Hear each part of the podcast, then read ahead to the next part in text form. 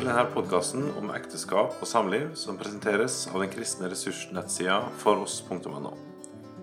Episodene er oppdelinga av undervisninga fra samlivshelga Over i to, som ble holdt på Utsyn ungdomssenter i Ryfylke, Rogaland, i januar 2017.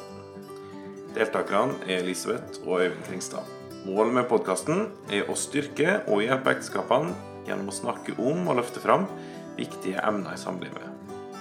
Denne episoden består av en bibeltime. Vi legger de her to bibeltimene tidlig i serien fordi det danner det nødvendige fundamentet for alle de andre mer tematiske episodene. Vær så god. Vi skal ha to bibeltimer eh, denne helga her. Første nå. Det neste i morgen. Og eh, det blir sånn, tror jeg at den her blir sånn eh, Nå skal vi ut og fly. Ta det overordna blikket, liksom, på ekteskapet. Eh, I morgen så skal vi lande i mye større grad, og eh, Det blir jo overordna da også, men mer konkret. I morgen så blir det en spesifikk bibeltekst som vi skal ha for oss, med hustavlene i Feserne 5, og kun det. I dag så blir det litt mer sånn Vi skal faktisk også lese mye derifra, men litt mer sånn overordna. Jeg håper det kan bli utbytterikt. Vi skal fortsette å be. Gode Far og Frelser, vi takker deg for dagen som vi har fått. Vi takker deg for ditt ord. Takker deg for at vi kan kjenne deg. Takker deg for at du vil at vi skal kjenne deg. Vi takker deg for ekteskapet. Takker deg for at vi har blitt mann og kvinne du førte oss i lag, Herre. Du forteller oss om synda, om eh, fallet, Jesus. Vi takker deg for at du er realistisk, at du gir oss det vi trenger for å for det vi trenger for å kjenne deg, og for å eh, likevel kunne leve godt i lag. Vi ber at du må komme med din Hellige Ånd. Opplyse oss og gi oss mest av alt din nåde, Herre, som vi trenger også for å leve i ekteskap. Legg stunden her i din hånd. Amen.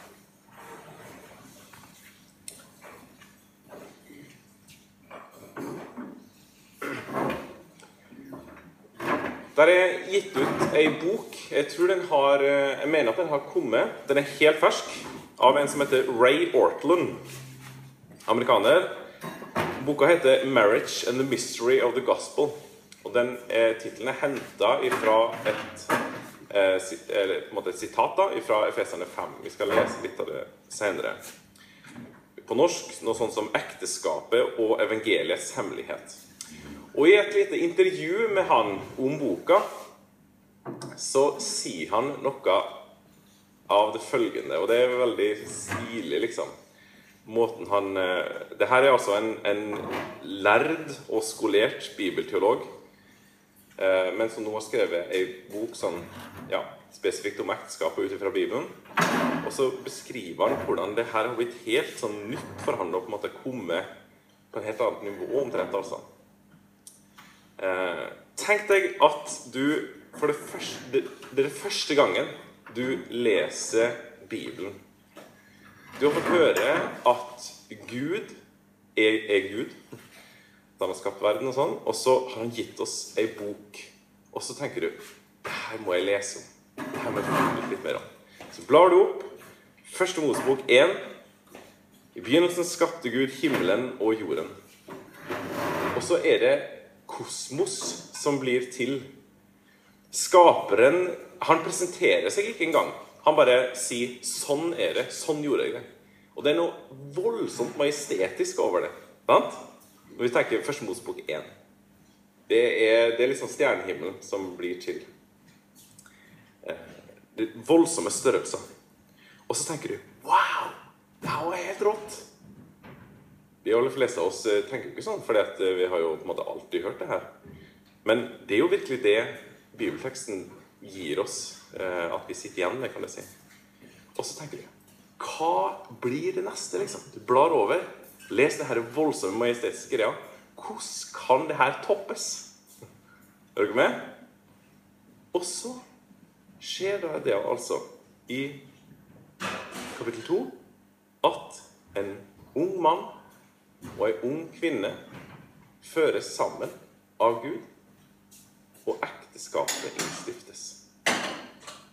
På mange måter et mageplask etter en majestetisk skapelsesberetning.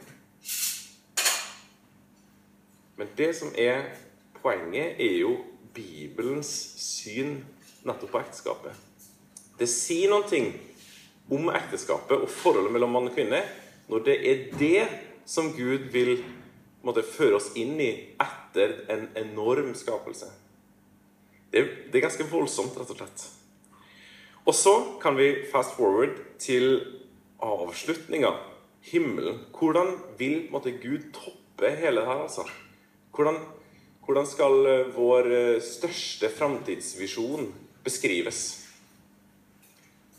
Og vi kaller det jo himmelen, men det er jo egentlig ikke så ofte akkurat det ordet står i Bibelen vår. Det som beskrives i de siste kapitlene i åpenbaringsboka, det er et bryllup. En bryllupsfest mellom en brudgom som har venta på sin brud, og som nå, endelig, i all evighet skal få være i lag med sin brud, som er sitt folk og Jerusalem. Det er et ekteskap som begynner Bibelen, og det er et ekteskap som avslutter Bibelen, om du vil. Som på en måte ja, det, det evighetsperspektivet. Skal, vi, vi, kommer mer inn på det her, men det som poenget er at ekteskapet er med andre ord ikke ett av flere emner i Bibelen, som det jo også er, men det er hele totalrammen. Det beskriver Bibelens totalramme, rett og slett. Det er ekteskapet. Det begynner med at Adam og Eva føres sammen av Gud, og det kalles godt. Det kalles godt. Jeg skal lese det på en måte definisjonsverset av ekteskapet eh, i Første Mosbok 2.24. Og det her er jo, Selvfølgelig så går det an å si veldig veldig mye mer enn det jeg skal gjøre nå. Men det er bare for å måtte, ja, ha med de tre definisjonspunktene som et kristent ekteskap består av. Hvordan defineres et kristent ekteskap? Og når du leser videre i Bibelen, så er det alltid det verset her, og det er alltid de, de omkringliggende historiene som tas med. Det er det her som setter standarden for resten av Bibelens undervisning om ekteskapet. Derfor skal mannen forlate sin far og sin mor og holde fast ved sin kvinne, og de to skal være én kropp. Der er det tre deler som definerer det kristne ekteskapet.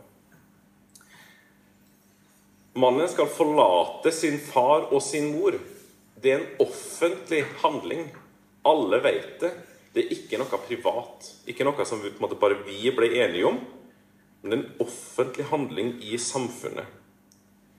Det, selv om man ikke hadde prest eller på en måte Ja, eh, hva heter det? Personen person som kan vie noen. Det kan du jo også gjøre på rådhuset. Um, det hadde man ikke i gammeltestamentlig tid, men du ser opp gjennom hele historien så er det likevel en helt tydelig offentlig handling det var noen ting som eh, ja, ble gjort i offentlighet. Så er det at eh, de skal holde fast ved hverandre. Holde fast ved sin kvinne, står det der. Et kristent ekteskap det er et monogamt, det vil Si to personer bare. Eh, ekteskap mellom én mann og ei kvinne. Og det er troskap i det. Det er bare dem to. Det er bare dere to. Og så er det at de skal være én kropp. Den seksuelle foreninga. Det er nakent, det er ubeskytta, det er på sitt mest intime og på sitt mest nære. De tre punktene kan jeg si, definerer et kristent ekteskap. Og som jeg sa, her, hvert punkt er på en måte.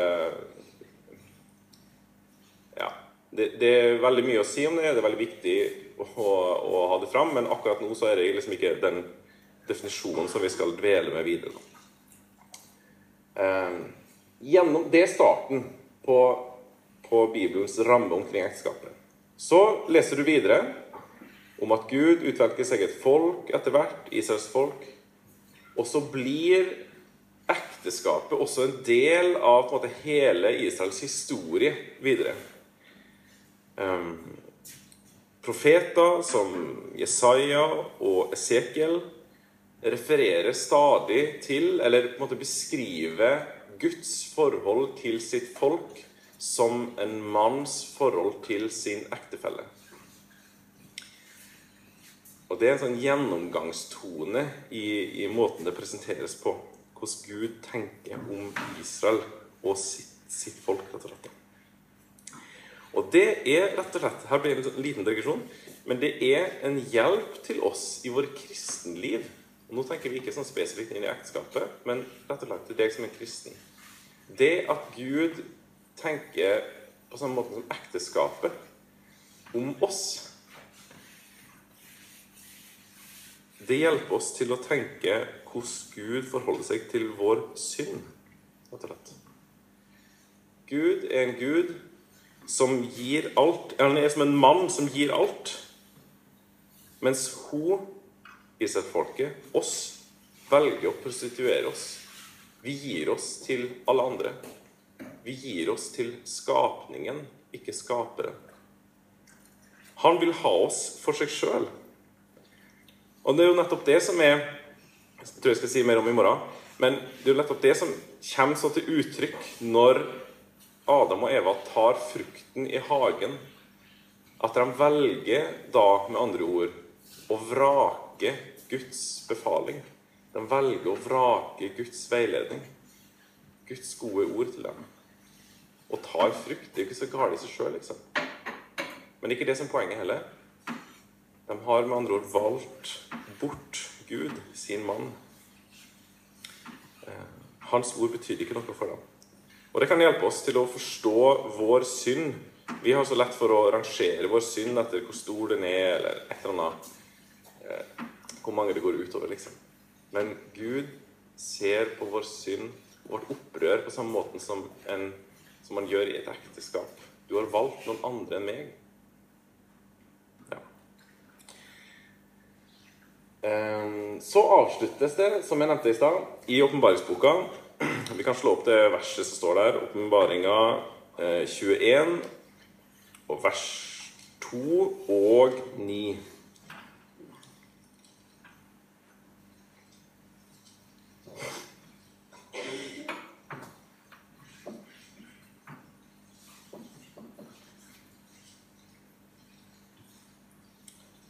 Johannes' åpenbaring kapittel 21 og vers 2 først. Og jeg så den hellige byen, det nye Jerusalem, stige ned fra himmelen fra Gud, gjort i stand og pyntet som en brud for sin brudgom. Og så vers 9.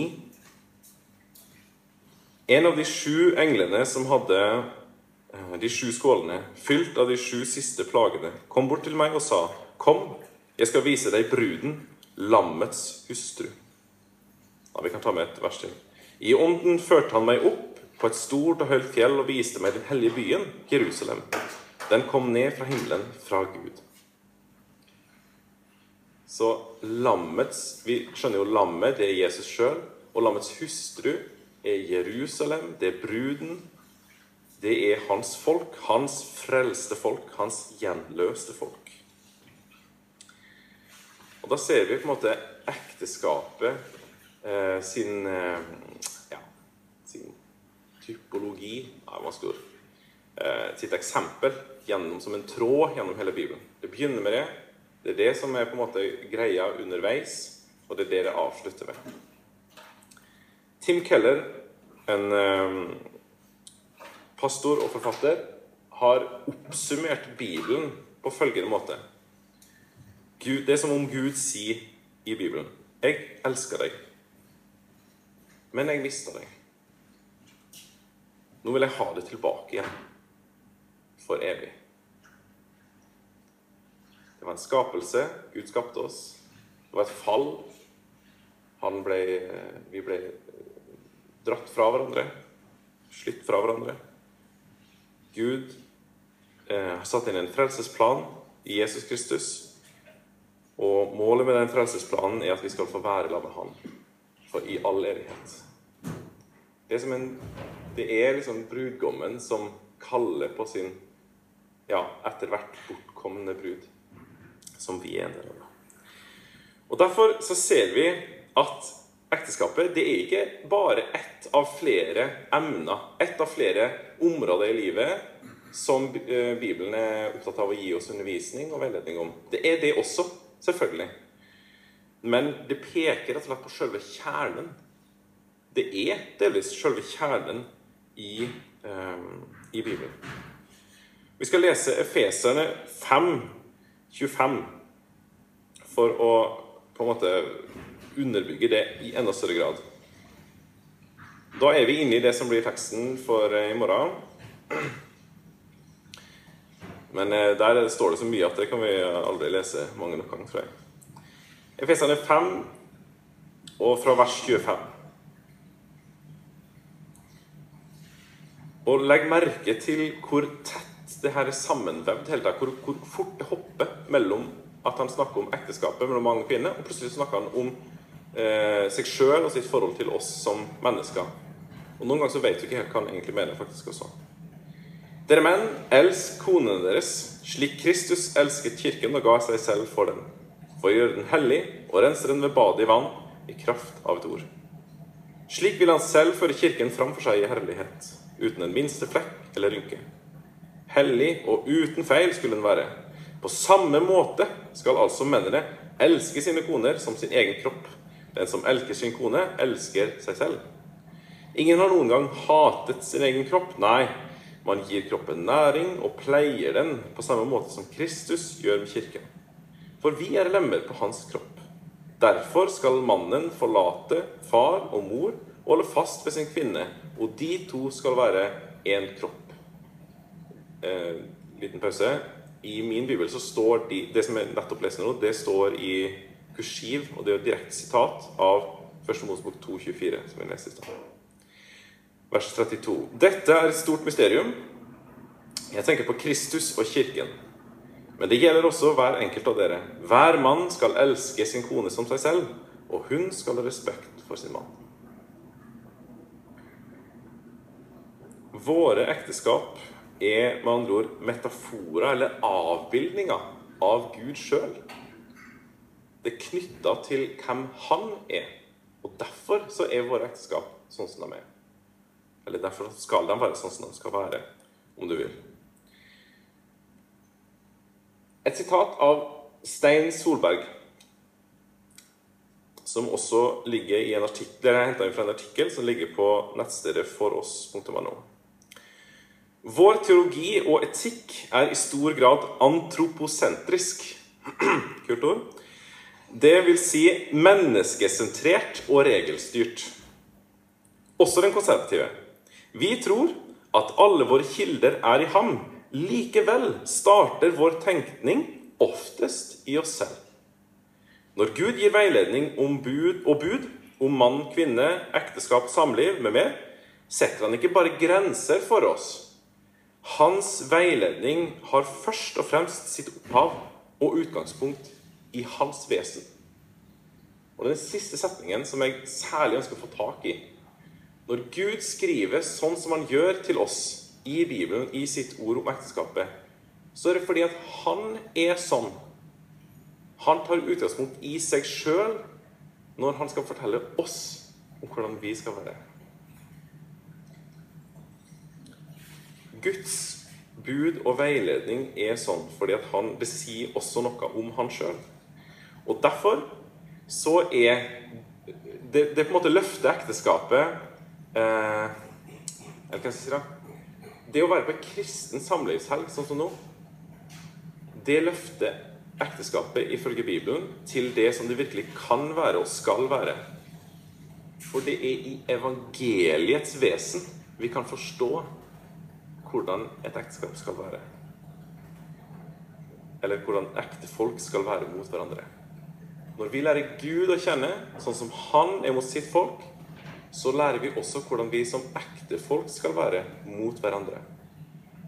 Hva er det som gjenspeiles? Jeg skal si litt mer om det i fortsettelse. Men noen stikkord til hvordan Gud forholder seg til oss.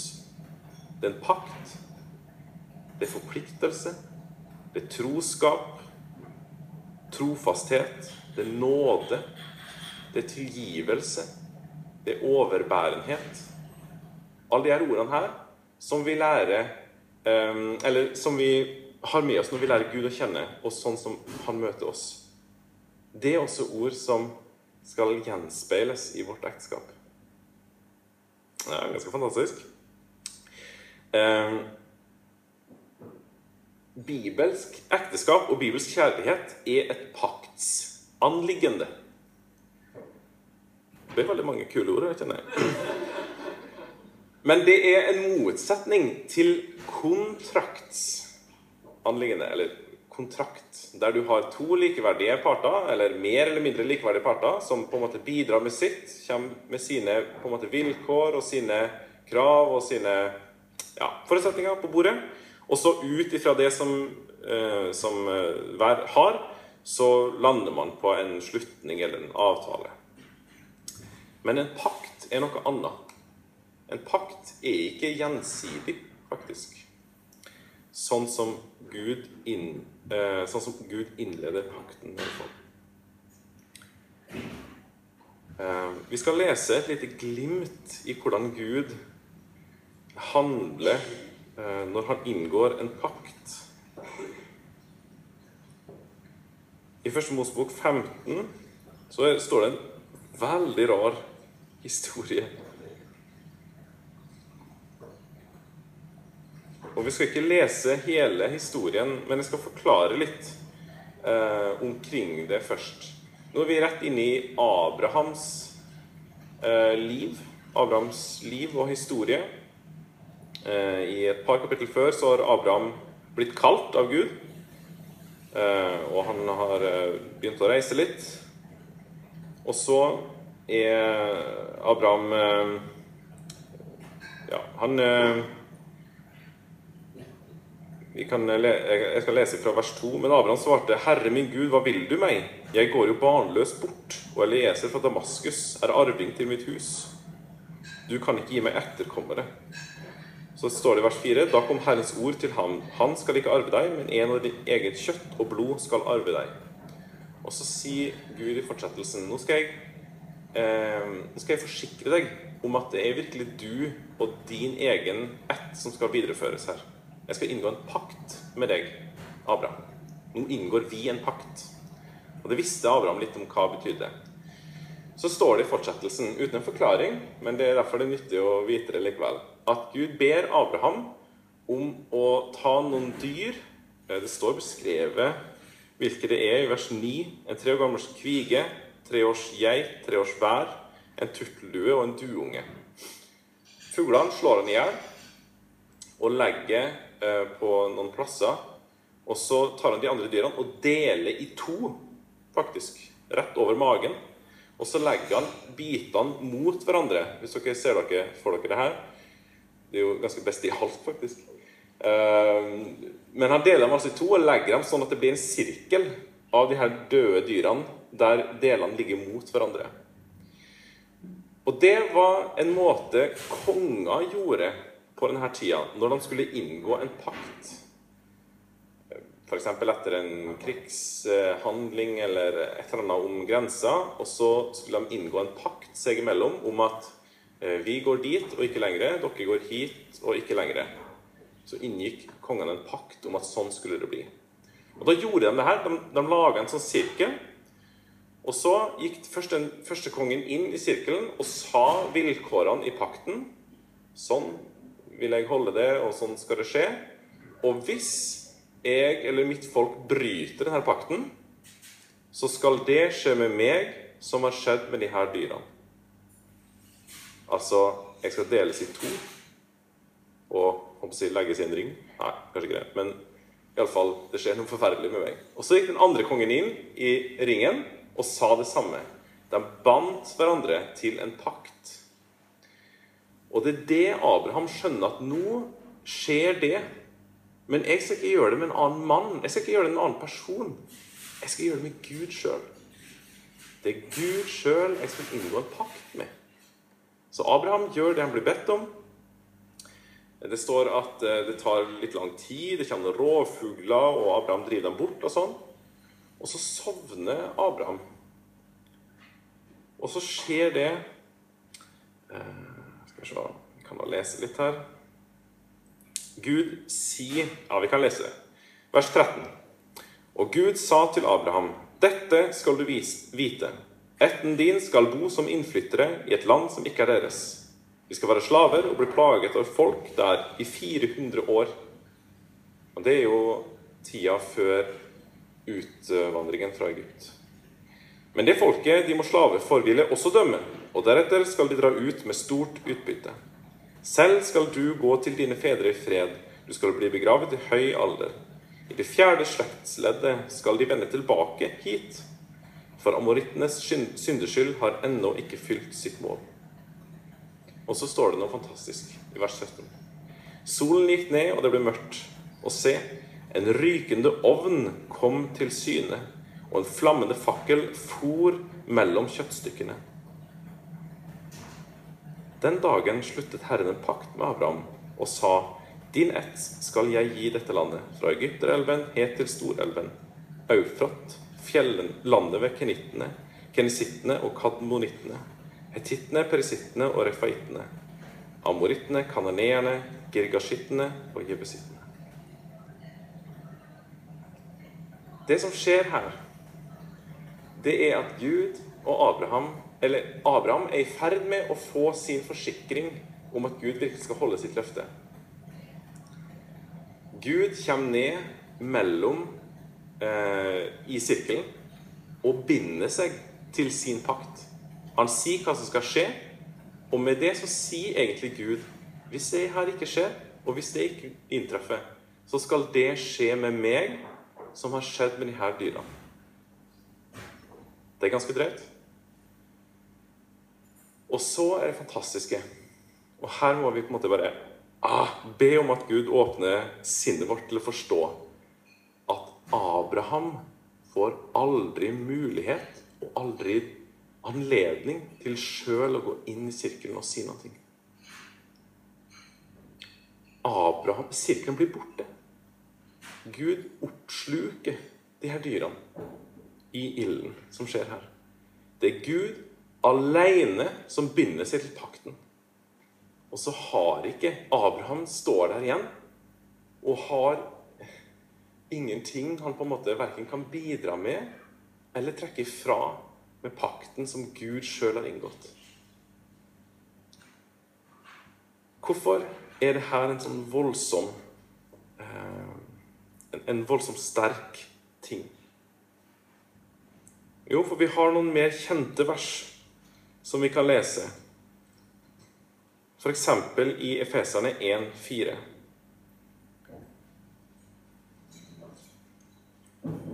Og med Guds inngåelse med Abraham i eh, bakhodet, på en måte, så kan vi lese det her med litt annen eh, ja, litt annen bakgrunn, kanskje. da.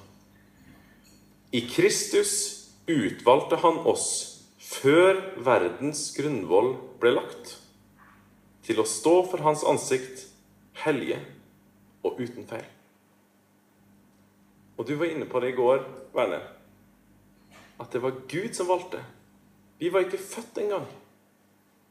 Det var ingenting av vår innsats som bevega Gud til å elske oss. Han sjøl gikk inn i sirkelen, om du vil, og bandt seg til å elske deg inn i døden.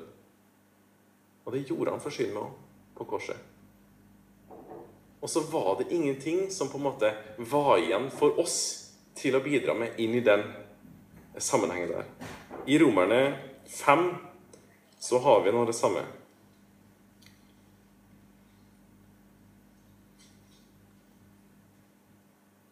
I Romerne 5, 6 til 11 Mens vi ennå var svake, døde Kristus for ugudelige da tiden var inne. Selv for et rettskaffent menneske vil vel neppe noen gå i døden, eller kanskje noen vil gjøre det for en som er god. Men Gud viser sin kjærlighet til oss ved at Kristus døde for oss mens vi ennå var syndere. Når vi nå er blitt rettferdige ved Kristi blod, hvor mye mer skal vi ikke da gjennom Han bli frelst fra vreden? Men for mens vi ennå var Guds fiender, ble vi forsonet med Ham ved Hans Sønns død. Når vi nå er forsonet, hvor mye mer skal vi da ikke bli frelst ved Hans liv? Ja, jeg tror vi stopper der. Guds frelsesordning, det er en paktsordning. Det er Gud sjøl som bunner seg til sin kjærlighet til oss. Det er enormt sterkt.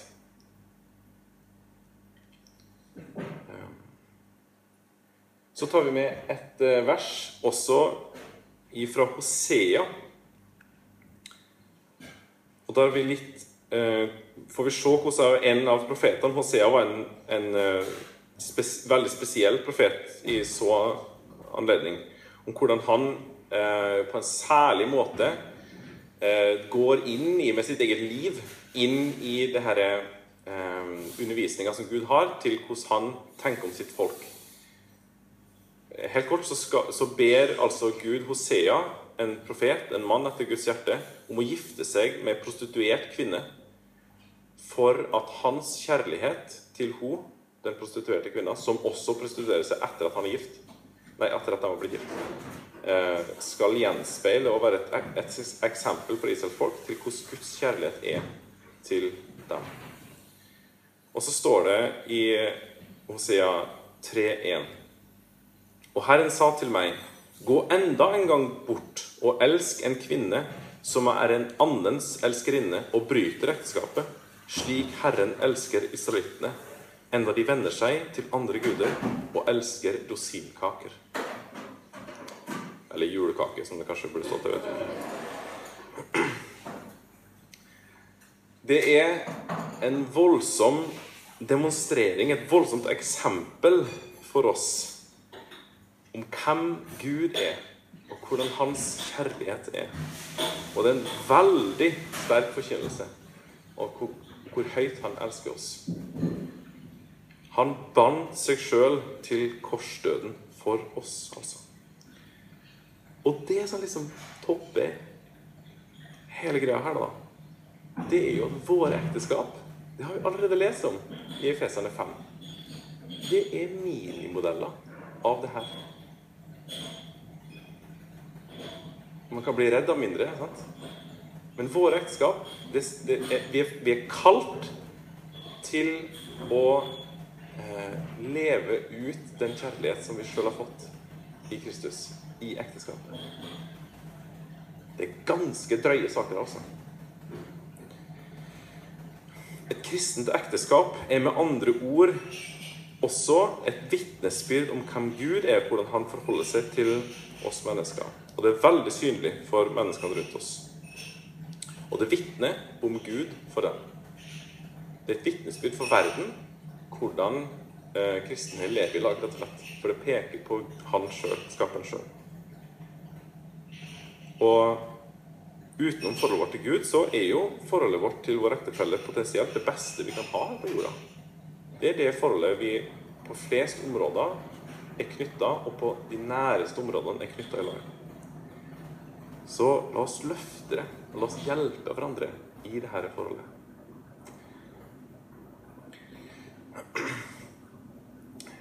Mot avslutninga.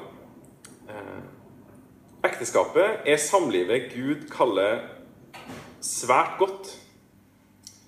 Det ser vi i skapelsesberetningen når de fører sammen. Ehm, men synda ødelegger. Og jeg syns det er fantastisk realistisk. Eh, Bibelen sin ehm, ja, undervisning og, og, forklaring, om du vil, eh, til verden, hvorfor verden er sånn som den er. Vi lever i denne syndens verden. Et opprørsk verden hvor mennesket har fjerna seg fra eh, skaperen og tilber det skapte i stedet. Det, det, er veldig realistisk. Og vi merker det i våre egne ekteskap. Sant? I våre liv. Det er ikke sånn at eh, vi er på en måte Ja. Nei, vi går ikke nakne rundt og ikke skammer oss, da, for å si det sånn. Eh, men skaperordningen er like fullt utgangspunktet. Det tror vi kommer til å se mer av i løpet av helga her, og det har jeg allerede lest litt om, at både Jesus og Paulus i sin undervisning om ekteskap, om samliv, om ekteskapelige emner, eh, drar eh, Eller henter argumentasjonen og motivasjonen fra Første Mosebok 2.24. Det er der det kommer alt sammen. Så sjøl om syndefallet kommer etterpå, og sjøl om vi skjønner og vet og erfarer at ting ikke er sånn som det skal være, så er, så er det likevel eh, Så er ikke malen forkasta. Utgangspunktet henter vi derifra likevel. Og det er spesielt å lese eh, Det kan jeg bare sitere for dere. Ja, jeg trenger å slå opp på en gang, faktisk. Eh, fra vers 18, altså Første Mosebok 2,18, at Gud skaper mannen, og da har han allerede på en måte gitt sitt stempel på at det var svært godt, skaperverket. Men så, så sier han likevel at Gud så at det var ikke godt for mannen å være alene. Det er rart, rett og slett. Altså, det her er ikke noe godt. Han fant ikke sin like, sjøl etter en fullendt skapelse. Og da er det på tide ut å fly litt igjen, for nå skal vi sitere Børre Knutsen. Og da sier Børre det her på et tidspunkt. Adam oversetter vi med menneske. Men straks mennesket har funnet kvinnen, oversetter vi Adam med mann. Først da blir han mann. Først da opplever han seg selv som mann. Først da har du polariteten mann og kvinne. Og fra nå av er disse to sammen eh, Fra nå av er det disse to sammen som er mennesket. Det er uropplevelsen som beskrives her. Den gjentar seg gjennom historien hver gang en mann finner en kvinne. Han finner igjen helheten i sitt liv. Det er drøyt! Børre Knutsen var jo en sånn virtuos det, Jeg vet ikke om jeg uttaler det rett engang. Men eh, han var en eh, sånn eh, kunstner. Eh, kanskje ikke så mange som tenker på han som det. Men han var det. Og det her, måte, vi skjønner det når vi leser det her. Det, det er som svulmende ord. Sant? Poetisk. Men ekstremt sterkt. Og kanskje voldsomt for ja, kanskje ikke noen engang heller. Kanskje for oss alle. Kanskje det er for sterkt på en måte å lese det her. Veldig voldsomme ord. Så tenker du Ja, juhu! Sånn er iallfall ikke vårt ekteskap. Vel, det må vi være ærlige om at praksisen og hvordan vi opplever her, det er nok veldig forskjellig, altså. Men institusjonen, ordningen, strukturen eh, som ekteskapet er, den er gudbilda. Og vi skjønner ut ifra Bibelen hvordan, legger, hvordan Gud legger oss litt ord, rett og slett, at det er noe som settes veldig, veldig høyt. Og vi innsettes som mann og kvinne i ekteskapet. Vi føres sammen.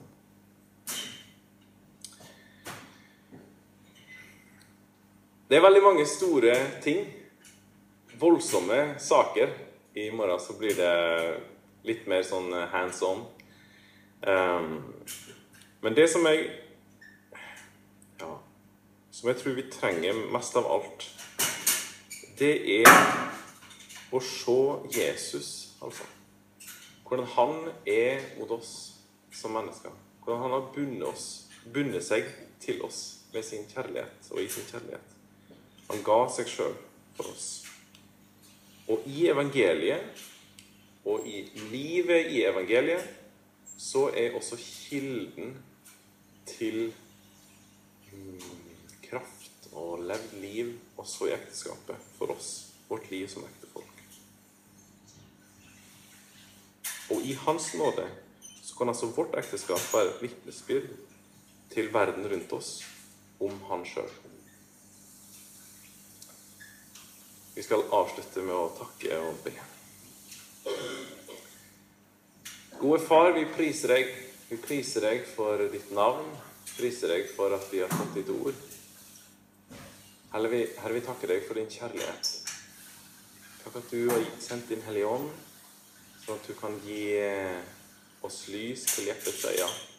Vi ber at det må skje, Herre Jesus.